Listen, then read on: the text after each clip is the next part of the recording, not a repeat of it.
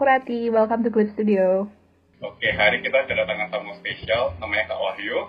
Dan mungkin sebelumnya Rati bisa memberitakan beberapa profil deh dari narasumber kita ini.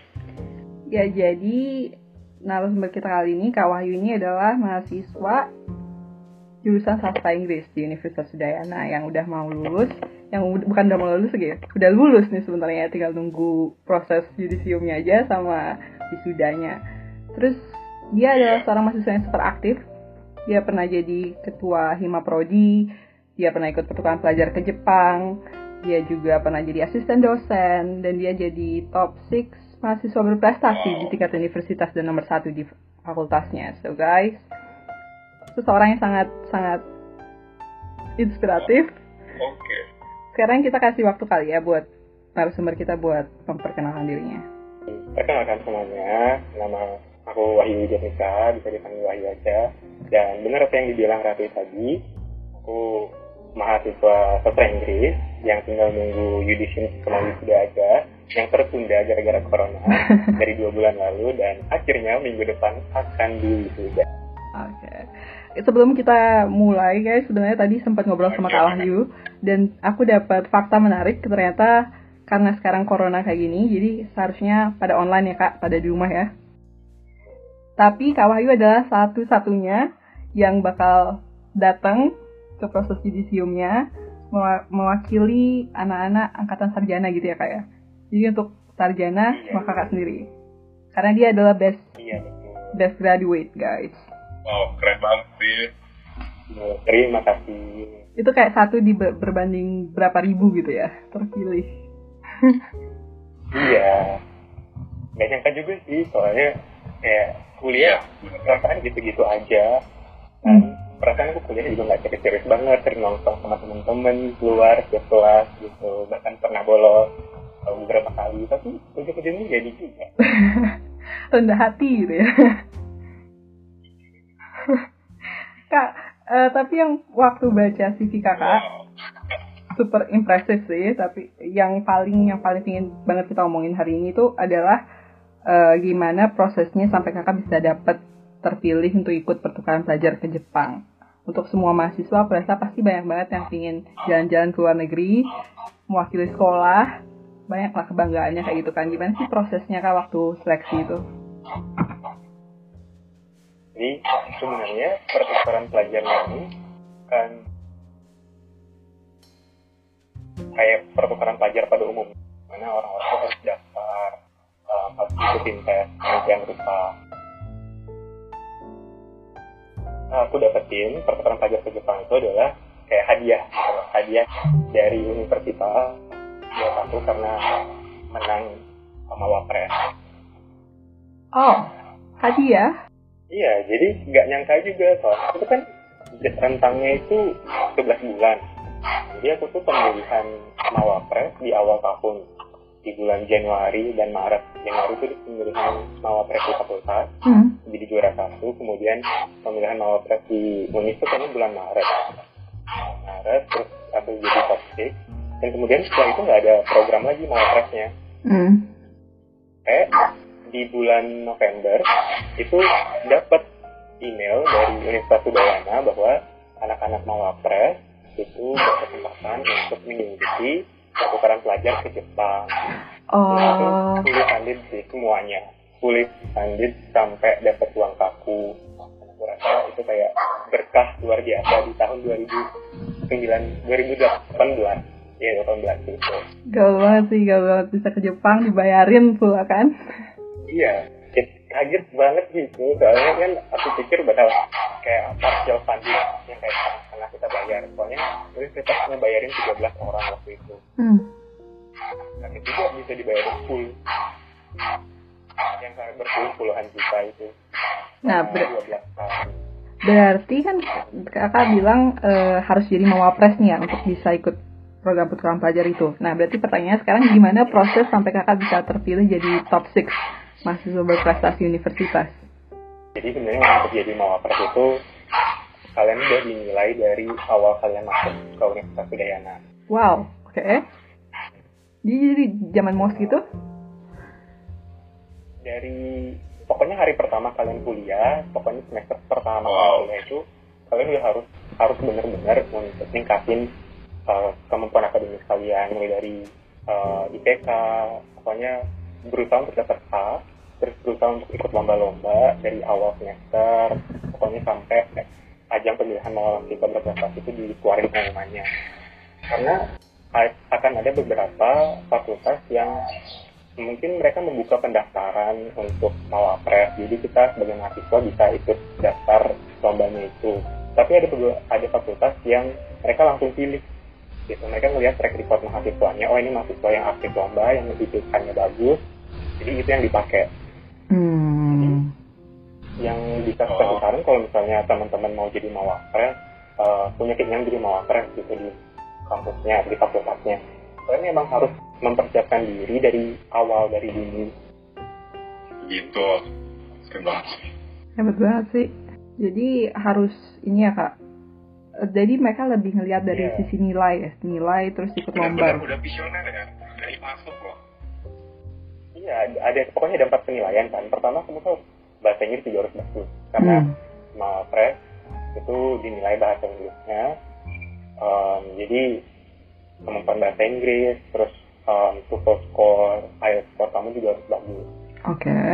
itu pertama kemudian uh, psikologi. Uh, jadi ada tes psikologi juga Uh, jadi kan nggak cuma dilihat dari akademisnya doang tapi juga dilihat dari karakternya itu juga Hmm. dinilai gitu kemudian uh, ada tes akademis dari IPK dan yang terakhir itu adalah presentasi dan karya tulis. Jadi setiap mawapres itu harus buat karya tulis uh, yang merepresentasikan jurusannya gitu. Jadi kalau bisa bahasa Inggris kita terus buat karya tulis tentang materi-materi um, Inggris yang bisa diterapkan di masyarakat dan bisa uh, sustain untuk waktu yang panjang gitu. Em, aku pengen tahu kira-kira kayak ngomong-ngomong Jepang tadi itu kira-kira Kak Wahyu bisa dong cerita-cerita kayak mungkin ada perbedaan study habit atau mungkin working habit dari mahasiswa Indonesia sama mahasiswa Jepang itu kayak gimana? Um, untuk mahasiswa mahasiswa Jepang, uh, pertama kali aku datang ke jadi di Jepang tuh ada tiga universitas yang aku kunjungin. Jadi yang pertama itu Yamaguchi University, uh, kemudian Nagoya Institute of Technology, sama lagi satu apa ya lupa. Lagi Satu itu apa, apa gitu aku. Apa cuma dua ya? Iya dua kayaknya. Oh, ah, kemudian, nah kalau untuk tadi habitnya mereka itu beda sama kita dalam segi um, tekunnya mungkin ya karena aku ngelihat mereka tekun sekali dalam hal belajar kalau habis kelas itu mereka kayak nggak ngerti materi atau kayak benar-benar mereka bakal pergi ke perpustakaan nih ngabisin waktu full di perpustakaan sampai perpustakaan itu tutup. Hmm. dan waktu aku datang ke perpustakaan emang ramai banget. Dan di perpustakaan mereka itu terbagi jadi beberapa jenis ruangan. Ada ruangan yang untuk baca buku ada ruangan yang memang untuk kamu kerja ngetik-ngetik di laptop dan nggak ada sama sekali yang ribut. Nggak ada yang ngomong bahkan Wow. semua meja itu ditekap gitu jadi nggak ada kesempatan kayak kita ke perpustakaan tuh mungkin kayak tidur di sana ada sih yang tidur cuma tidurnya mereka di sana tuh eh ya, stigmanya adalah mereka udah kecapean ya. belajar gitu. Hmm. hmm, mereka kayak kecapean belajar terlalu tekuni belajar terus mereka tidur di perpustakaan gitu beda sama kita yang mungkin kayak masih banyak orang anggap bahwa orang ke perpustakaan itu mungkin mau istirahat karena agak belajar di kelas ya kayak bosan gitu. Nah, mereka emang benar-benar gitu dan nggak ada orang bahkan kalau misalnya kita ini satu grup eh, temenan datang ke perpustakaan biasanya kan kita juga ngobrol tuh di perpustakaan kalau di kampus kita di Indonesia. Tapi kalau di Jepang tuh mereka nggak ada ngomong sama sekali. Hmm. kan sama temennya di sebelah. Mereka tuh fokus benar-benar fokus untuk baca buku untuk ngerjain tugasnya. Ya gitu. Dan sampai malam bahkan dosen tuh kan ada yang kuliah di Jepang tuh Hmm. juga barengan di Yamaguchi University memang sampai malam sampai perpustakaannya tutup baru pulang Itu perpustakaan tutup jam berapa kak? kalau nggak salah Eh, kalau nggak salah sih kampus itu semua fasilitasnya tutupnya jam 8 Jam 8. Oke. Jadi full belajar sampai jam 8. Iya, dan di rumah lah ya. kan mereka pulang ke rumah tuh mereka juga belajar lagi gitu. Waktu di sana kakak tinggal di hotel atau sama salah satu mahasiswa? Tinggal nah tinggal di hotel. Itu tinggal di hotel Eh, tapi kita juga eh, excursion sama teman-teman mahasiswa di Jepang kayak gitu. Dikenalin kampus-kampusnya aja yang ada di kampusnya mereka. Dan ada satu fakta menarik kalau di Jepang tuh mereka kayak ada em, usaha khusus mahasiswanya itu. Jadi kalau misalnya kita kan kayak eh, kalau di harapan tuh kan ada SMK-nya pada jualan tuh kan? Hmm, iya, iya. Iya. ya kan? Nah kalau di itu juga juga sama, Uh, tapi bedanya adalah mereka tuh kayak lebih difasilitasi uh, lebih baik gitu loh sama kampusnya. Uh, mereka kayak dibangunin kafe, kafe mahasiswa itu.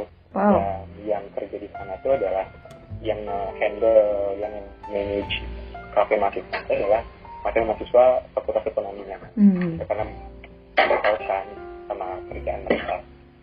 Itu dan kayak emang kafe mahasiswa dekat library dan banyak banget mahasiswa yang kayak buat keluar masuk keluar masuk ke sana dan itu kayak apa namanya mengaplikasikan teori-teori yang udah mereka pelajari di kelas langsung ke lapangan itu juga itu kan kayak Hmm. Tapi terus kalau misalkan yang bukan anak FI, FEB, bukan anak ekonomi, mereka kira-kira disupportnya dengan apa tuh, Kak? kalau misalnya itu biasanya mereka diajak untuk kalau misalnya kayak ada teman-teman dari Udayana datang ke sana eh, mereka biasanya diajak buat jadi pendamping gitu kayak student body gitu kan student body-nya apa teman yang exchange gitu. Hmm. karena yang exchange ke Jepang tuh mungkin eh, yang aku tahu sih kebanyakan dari mereka bilang bahwa berbeda-beda gitu program studinya jadi mereka kayak ngambil orang-orang dari program studi berbeda untuk kayak dijadiin student body teman-teman yang kayak aku dapat juga dari sastra Inggris aku juga dapat Bahasa Inggris. Wow. Eh, kira-kira dari kakak eh, dari pergi exchange ke Jepang kira-kira ada nggak sih suatu atau mungkin beberapa pengal- hal yang bisa kakak petik atau mungkin beberapa kebiasaan yang kakak pengen lakukan di Indonesia Hmm, hmm, ada, ada banyak. Um, jadi yang pertama itu adalah hmm, mereka kerja keras. Kerja kerasnya itu dalam dua hal, akademis mereka, kuliah, dan juga kerja. Jadi banyak orang-orang uh, anak-anak mahasiswa di Jepang tuh mereka baito. Baito itu part time job kan. Hmm. Baito. Jadi mereka tuh kuliah yang kayak biasa, kemudian kerja lagi sampai malam, habis itu besok, habis itu mereka Kayak gitu pulang ke lagi. rumah, bikin tugas, terus besok pagi kuliah lagi. Oh. Gitu. Ya, jadi uh, sebenarnya ini kan kayak di satu, kayaknya di semua negara pasti ada culture kayak gini. Uh, cuma kayak ngelihat karena aku ngomong sama mereka dan ngelihat mereka gimana antusiasnya untuk ngelakuin itu. Uh, apalagi di Jepang itu kan profesionalis profesionalismenya tinggi ya Hmm. Kan kalau kamu kerja ya udah kamu kerja gitu kan. Kalau kamu kuliah ya udah kuliah gitu. Jadi gimana uh, mereka man- manajemen waktu sama kayak membagi fokus gitu. Eh. yang buat aku uh, tertarik untuk aku terapkan Uh, jadi pulang dari Jepang tuh aku berusaha mikir kayak apa yang aku kerjain ya? Yang kayak bisa menguntungkan both uh, academically for me and also financially for me gitu. Jadi anak jadi lah Ah, apa itu akhirnya jadi alasan kenapa kakak membuat Akusara Learning Center? Hmm, ya itu juga salah satu alasan. Dan itu juga um, sebenarnya my extension untuk uh, karya tulis yang aku buat waktu mau press karena waktu mau press itu aku buat sebuah uh, wadah belajar bahasa Inggris uh, sebali gitu Hmm. uh, dia mirip-mirip kayak non governmental organization, non profit organization yang udah ada di Indonesia. Uh, cuma dengan sistem yang aku kemas sedemikian rupa um, di karya tulisku, aku pengen mewujudkan itu juga gitu loh biar nggak cuma ide itu ada di uh, atas kertas gitu ya kan. Hmm. Aku juga pengen merealisasikan ide itu yang benar dan uh, syukurnya dari bulan April kayak dari bulan Februari tahun ini aku bisa uh, membuat aku cara learning center ini Gitu. Tanya. Oh. Kak, kira-kira aku salah learning center bisa kita temukan di mana ya? Mungkin ada Instagramnya atau Iya. di platform mana? Hmm. Kalau Putra Learning Center itu karena kita masih baru, eh, masih baru banget, jadi kalian bisa lihat uh, Learning Center itu di Instagram. Kita punya akun namanya @akusara_lc. Aku Sarah Elsie. Baru banget, kayaknya baru up, Mhm. baru banget kita buat 5 Mei kalau nggak salah. Oh. Eh, itu Baru program banget aktif. hmm, yang aku tahu kakak kan foundernya nih. Tapi kakak ngajak menggait temen nggak sih di aku Learning Center ini? Iya. Um, sebenarnya aku Putra Learning Center ini eh, yang buat emang aku, cuma aku nggak bisa kerja sendiri. Hmm. Apalagi aku juga udah kerja sekarang. Hmm. Nah, Avatar Learning Center ini ke, memang selain tujuannya adalah mendapatkan keuntungan secara ekonomi, eh, aku juga pengen menjalin tali silaturahmi sama teman-teman. gitu. Jadi aku buat Learning Center ini dengan mengajak fakultas yang memang aku melihat bahwa mereka itu adalah orang-orang prominent yang bisa untuk dibagikan ilmunya. Jadi, aku ajak lima orang temanku dari sastra Inggris, kemudian ajak dua orang temanku yang sastra Perancis, kemudian ajak satu orang temanku yang sastra Jepang. Makanya kami bisa buat eh, lumayan banyak eh, jasa Hmm. untuk gitu loh. Itu sih eh, Kak, berarti kalau ada teman-teman yang pengen uh, atau butuh jasa translator, bisa reach out ke aku Sarwa Iya. Center kan? Uh, betul banget. Jadi untuk teman-teman yang perlu jasa ter- terjemahan dari Inggris Indonesia, Indonesia Inggris, Jepang Inggris, uh, Perancis Inggris, Wow. atau bahkan kayak Perancis ke Jepang atau bagaimana, itu juga kami layani gitu. Dan kami juga ngelayanin transaksi internasional dan kebetulan Wow.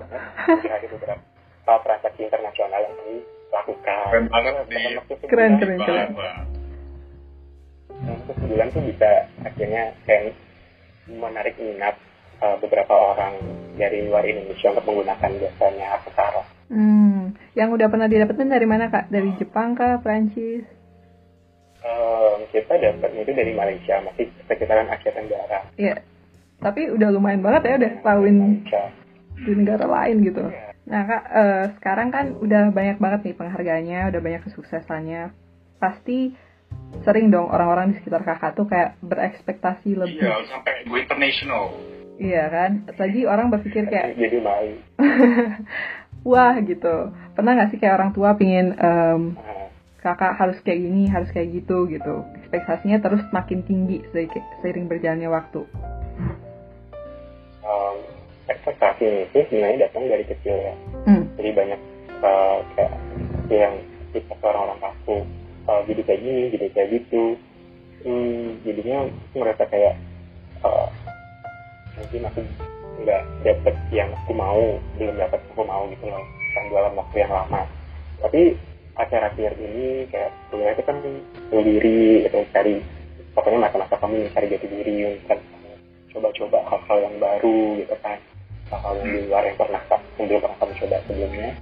Dan akhirnya sekarang aku kayak bisa dapet yang aku memang pengen gitu loh. Untuk ekspektasi sekarang untuk achieving a lot of things kayaknya masih masih ada orang-orang yang taruh harapan misalnya untuk lanjut kuliah, lanjut ke mana gitu kan. Hmm. Hmm, tapi aku rasa uh, ekspektasi itu nggak aku segerakan jadi gitu loh. Aku nggak segerakan untuk realisasikan. Tapi ekspektasi dari orang tersebut, harapan-harapan tersebut ya aku tampung uh, yang aku kayak cicil deh gitu, cicil satu persatu untuk aku lakukan. Gitu. Orang tua pasti pengen, orang tua masih pengen aku kuliah S2. Hmm. Kan aku sekarang baru aja mulai kerja, Hmm. kan baru mulai kerja di kantoran uh, aku tunda dulu tahun depan kayak gitu aku dari dosen-dosen juga pengen aku jadi pengen S2 terus pengen jadi kolega dosen mereka Wow. aku juga pengen gitu Uh, aku kayak uh, nikmatin waktu untuk coba berbagi jenis bidang nanti dulu deh makanya aku kan terjun ke marketing communication di salah satu mall Hmm. pengen coba-coba yang lain dulu kali Oh. dulu ya Explore. Mm-mm. bener ngembangin aku Sarah Menurut juga kak, berarti menurut kakak itu ekspektasi penting dalam kerja. Ekspektasi itu penting. Eh, karena dengan ekspektasi itu orang tuh kayak eh, orang tuh akan berekspektasi kepada kita karena kemampuan yang kita miliki ya enggak Iya. ya kan? Kalau misalnya orang nggak berekspektasi sama kita berarti mereka kayak Iya. nggak nggak punya harapan sama kita kan? Kayak kita kayak nggak bisa ngasih yang mereka pengen gitu. Tapi kalau ekspektasi mereka tinggi berarti kita bisa ngasih tinggal balik eh, yang bagus dong. Ya kan? Hmm. Gitu. Jadi aku ngerasa kayak dibandingin Hmm. ngelihat itu sebagai sebuah kenegatifan tekanan gitu yang mana aku dulu sering lihat kayak gitu. Kenapa sih harus ditekan kayak gini? Kenapa sih harus disuruh kayak gini? Kenapa harus dipaksa banget untuk lebih tinggi dari mawapres sebelumnya? Hmm. gitu. Kenapa sih harus eh, dipaksa ikut lomba ini ikut lomba itu gitu untuk disiapin eh, atas nama fakultas gitu loh bukan atas namaku kenapa sih harus eh, ikut bagian ini karena disuruh dosen gitu loh kayak dosen pada bilang kalau saya cuma bisa ngandelin kamu aja gitu Eh, padahal yang aku sendiri ngerasa kayak eh, berpikir dua kali gitu loh harus ngelakuin Iya. Nah, tapi ujung-ujungnya aku, kayak aku berpikir bahwa mereka nganggap aku seperti itu karena mungkin mereka melihat aku punya kemampuan yang bagus gitu. Uh, bukan maksudnya GR ya, tapi Iya betul betul. ya, itu sebagai uh, reference uh, apa namanya, Inggris uh, bahwa uh, Inggris kepositifan kita bahwa kita punya kualitas yang baik dan uh, dengan kualitas yang baik pasti ada ekspektasi yang tinggi. Makanya itu juga ngajarin aku untuk jadi lebih responsibel terhadap apa yang aku punya. Nggak cuma kayak aku punya kualitas kayak gini kali kerja lepas. Nggak tapi kayak kali kerja tingkatin lagi tingkatin lagi. Dan itu bakal jadi suatu saat pasti bakal jadi hal yang sangat berguna Jadi tekanan tuh lebih jadi pendorong juga gitu ya. Kami kan juga ya, kan kami kan juga ya teman mahasiswa dan mungkin teman-teman sekitar juga berarti kayak mahasiswa Kak. Eh, dan mungkin mereka punya juga orang-orang sekitar yang berekspektasi sama mereka mungkin kayak orang tua gitu kira-kira kakak bisa kasih tips and trick gak ke kita gimana kita tetap bisa bertahan walaupun kita punya kayak ekspektasi dari lingkungan sekitar Eh, orang-orang di luar sana di orang-orang sekitar kita pasti kayak ber- punya pikiran sering ngomong ke kita bahwa hmm, kok kamu nggak jadi ini aja sih? Kita kan biasanya ya Hmm. kamu nggak ikut ini aja sih?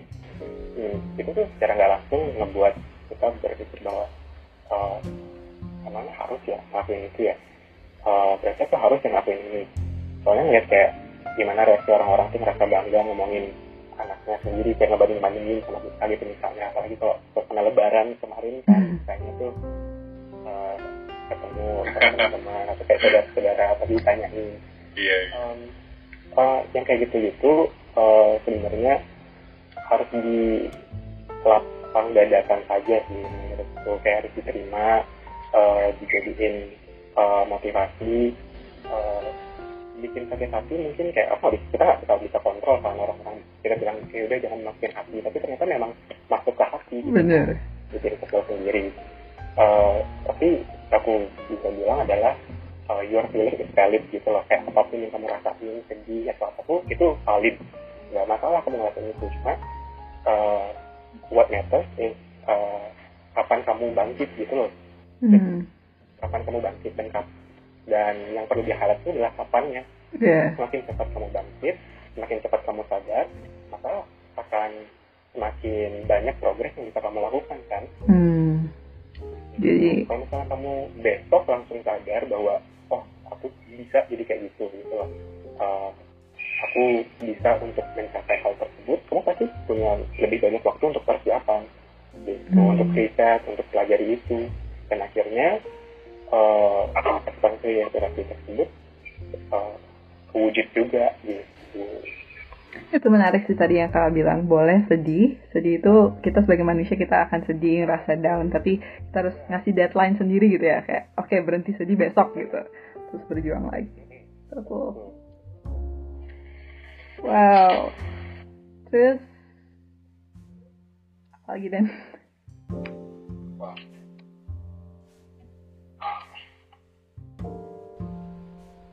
Daniel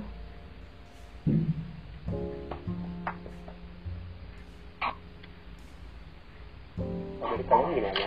Kalian kan juga pasti dapat-dapat tuh uh, mungkin kayak uh, nggak sengaja orang-orang ngomong sesuatu ke kalian gitu tuh gimana? Tanggapan kalian? hmm ya sama sih kayak kayak kayak kakak orang sering yang kalau aku sih yang lebih bikin ini adalah ada suara anjing bentar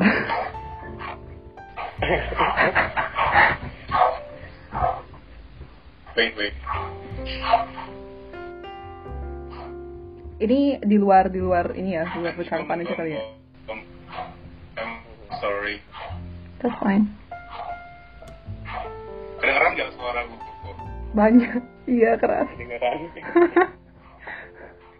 seakan-akan dia ingin masuk juga gitu menjadi narasumber Iya.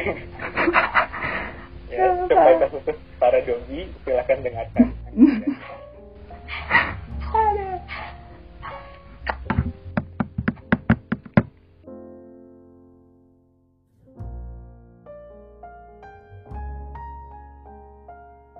banyak sih kak kayak misalkan kayak sekarang bikin project kayak gini pasti ada keraguan kan kayak orang bilang yakin bikin kayak gitu bisa nggak bener nggak sampai sekarang juga masih ragu sih sebenarnya tapi ya udah jalanin aja gitu Iya iya iya.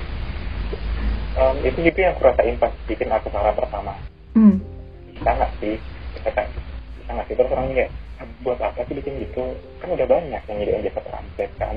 Iya. Apalagi ada teman kelasku yang juga bikin jasa yang jenis gitu loh. oh Uh, cuma that that's the um, I think yeah, that's the point when we learn gitu loh. ya justru Uh, bahwa kita ngelihat kalau ada dua hal yang sama terus apa yang bisa kita lakukan hmm. dan itu aku dapet selama aku jadi uh, pemimpin selama aku jadi ketua-ketua aku juga harus bisa bikin organisasi itu tuh berbeda kan dari orang-orang dari organisasi sebelumnya masa-masa sebelumnya ataupun organisasi yang lain dan itu yang buat aku kayak lebih kreatif lagi sih menurutku karena aku ngembangin uh, jasaku tuh lebih banyak lagi kayak bisa tutor Inggris, tutor Prancis, tutor Jepang, konsultasi proposal, konsultasi tugas, Hmm. uh, interpreter gitu yang mana uh, jasa sebelah tuh uh, nggak bisa nge-cover itu Hmm. dan itu juga sih gimana kayaknya itu uh, hasil dari gimana aku jadi ketua dan aku bisa melihat orang-orang yang mumpuni Jadi menurut kakak penting ya dalam waktu kita kuliah tuh harus ikut organisasi kayak gitu ya? Hmm, memang ikut organisasi itu penting karena nggak cuma uh, hard skill yang perlu kita kembangkan tapi skill itu juga. Dan aku pun ngerasa bahwa aku sekarang kerja di kantor di mall uh, uh, nggak sejalan gitu ya sama apa yang jurusanku. Kan bahasa Inggris biasanya uh, nggak begitu kan. 100% sejalan dan yang lebih banyak dipakai di sana adalah memang soft skill gimana kita toleransi gimana kita menghargai orang-orang. Uh, understand uh, ability teman kantor kita gitu. Hmm. itu yang bikin dan dan yang aku bisa kasih saran sih sebenarnya buat sama teman-teman uh, semuanya yang belum kerja uh, yang masih kuliah. Kalaupun nanti kalian dapat pekerjaan yang nggak sesuai sama jurusan kalian kalian tuh masih bisa cover uh, skill kalian dengan ikut organisasi atau dengan uh, kalian ngembangin uh, kreatif-kreatif skill kayak ini kayak bikin podcast gitu. Dan secara tidak langsung tuh kalian mengembangkan skill editing ya kan? Editing terus communicating. Yang mana itu adalah dua dari skill yang sangat diperlukan sih untuk sekarang. Kayak gitu. Jadi jangan terlalu berpaku di kelas tapi explore lah seluas-luasnya selama kalian kuliah. Gitu. Bener. Thank you banget kak udah sharing-sharing. Mungkin terakhir kita mau tanya tentang ini sih pencapaian yang ingin lagi dicapai tahun ini atau tahun depan. Sekarang kan lagi corona gini, mungkin kayak kegiatan kita terbatas. Kenapa Dan? goalsnya kak Iya, goalsnya gimana? Hmm.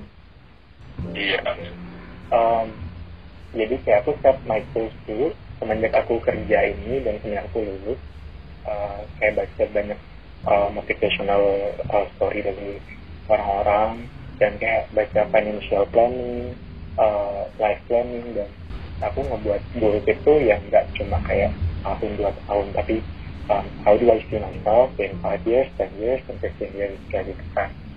Uh, karena aku rasa kalau kamu punya long life goals itu kamu jadi lebih termotivasi untuk melakukan itu.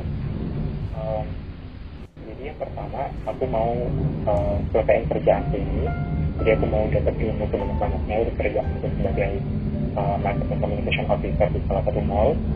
Uh, pengen dapat skill di retail di marketing uh, how to interact with people how to bargain how to uh, make an agreement uh, ini. Kemudian aku mau ngelanjutin S2 aku. Hmm. uh, dan aku bakal cari-cari beasiswa untuk bisa keluar. Uh, jadi aku mau uh, kuliah di luar negeri nah, tapi itu nggak nggak harus banget kuliah luar negeri kalau misalnya dapetnya di dalam ya udah di dalam nggak apa-apa. Uh, kemudian aku kuliah S2 bla kemudian jujur kan udah tua ya ya kan? Ya kayak kalian yang masih masih muda. Perasaan cuma beda dua tahun deh kak? Oh ini kan beda dua tahun ya tapi kayak umur dua dua loh sebentar lagi gitu kan? Umur dua dua jadi kayak sudah berumur gitu. Yeah. uh, mungkin kayak mau mikirin uh, jenjang pernikahan. Wow udah ada calonnya kah? Uh, dan dipersiapkan. Oke okay, nggak boleh dibocorin ya. Kan pamali dong nanti iya yeah, yeah, benar-benar uh, jadi kayak uh, mau keluar terus kayak dapat pekerjaan. Uh, sebenarnya tujuan itu jadi dosen kan? Kita kita harus jadi dosen jadi mungkin kayak bakal uh, nyari lagi uh, kuliah S3 karena sekarang menjadi dosen baru S3 hmm. dan bakal ngembangin bisnis karena aku pengen coba bisnis juga. Um, aku saranin aku mau kembangin biar lebih besar lagi biar lebih punya kantor juga nanti. Amin ya. Um, nyobain bisnis bisnis yang lain kuliner dan lainnya. Itu sih goalsku dan bisa berbagi lebih banyak. Itu aja sih aku. Oh banyak dan semoga semua tercapai. Terima kasih. Tercapai. Tapi kita kita percaya sih kalau misalkan sekarang aja udah bisa kan mencapai semua goal-goal yang terdahulu. Semoga nanti tahun-tahun mendatang yeah. juga pasti bisa masih ada lagi nggak yang mau tanyain Dan? Terima kasih. ya semoga semua doa lancar-lancar. Terima kasih. Semangat juga buat kalian. Semoga hmm, udah bisa kayak gini. Nah, semoga sukses, sukses bisa lewat kalian super cepat. Terima kasih kembali. Bye bye. Uh, ya, thank you banget kak udah mau sharing-sharing. Enak banget jadi ya nggak apa-apa pertama kan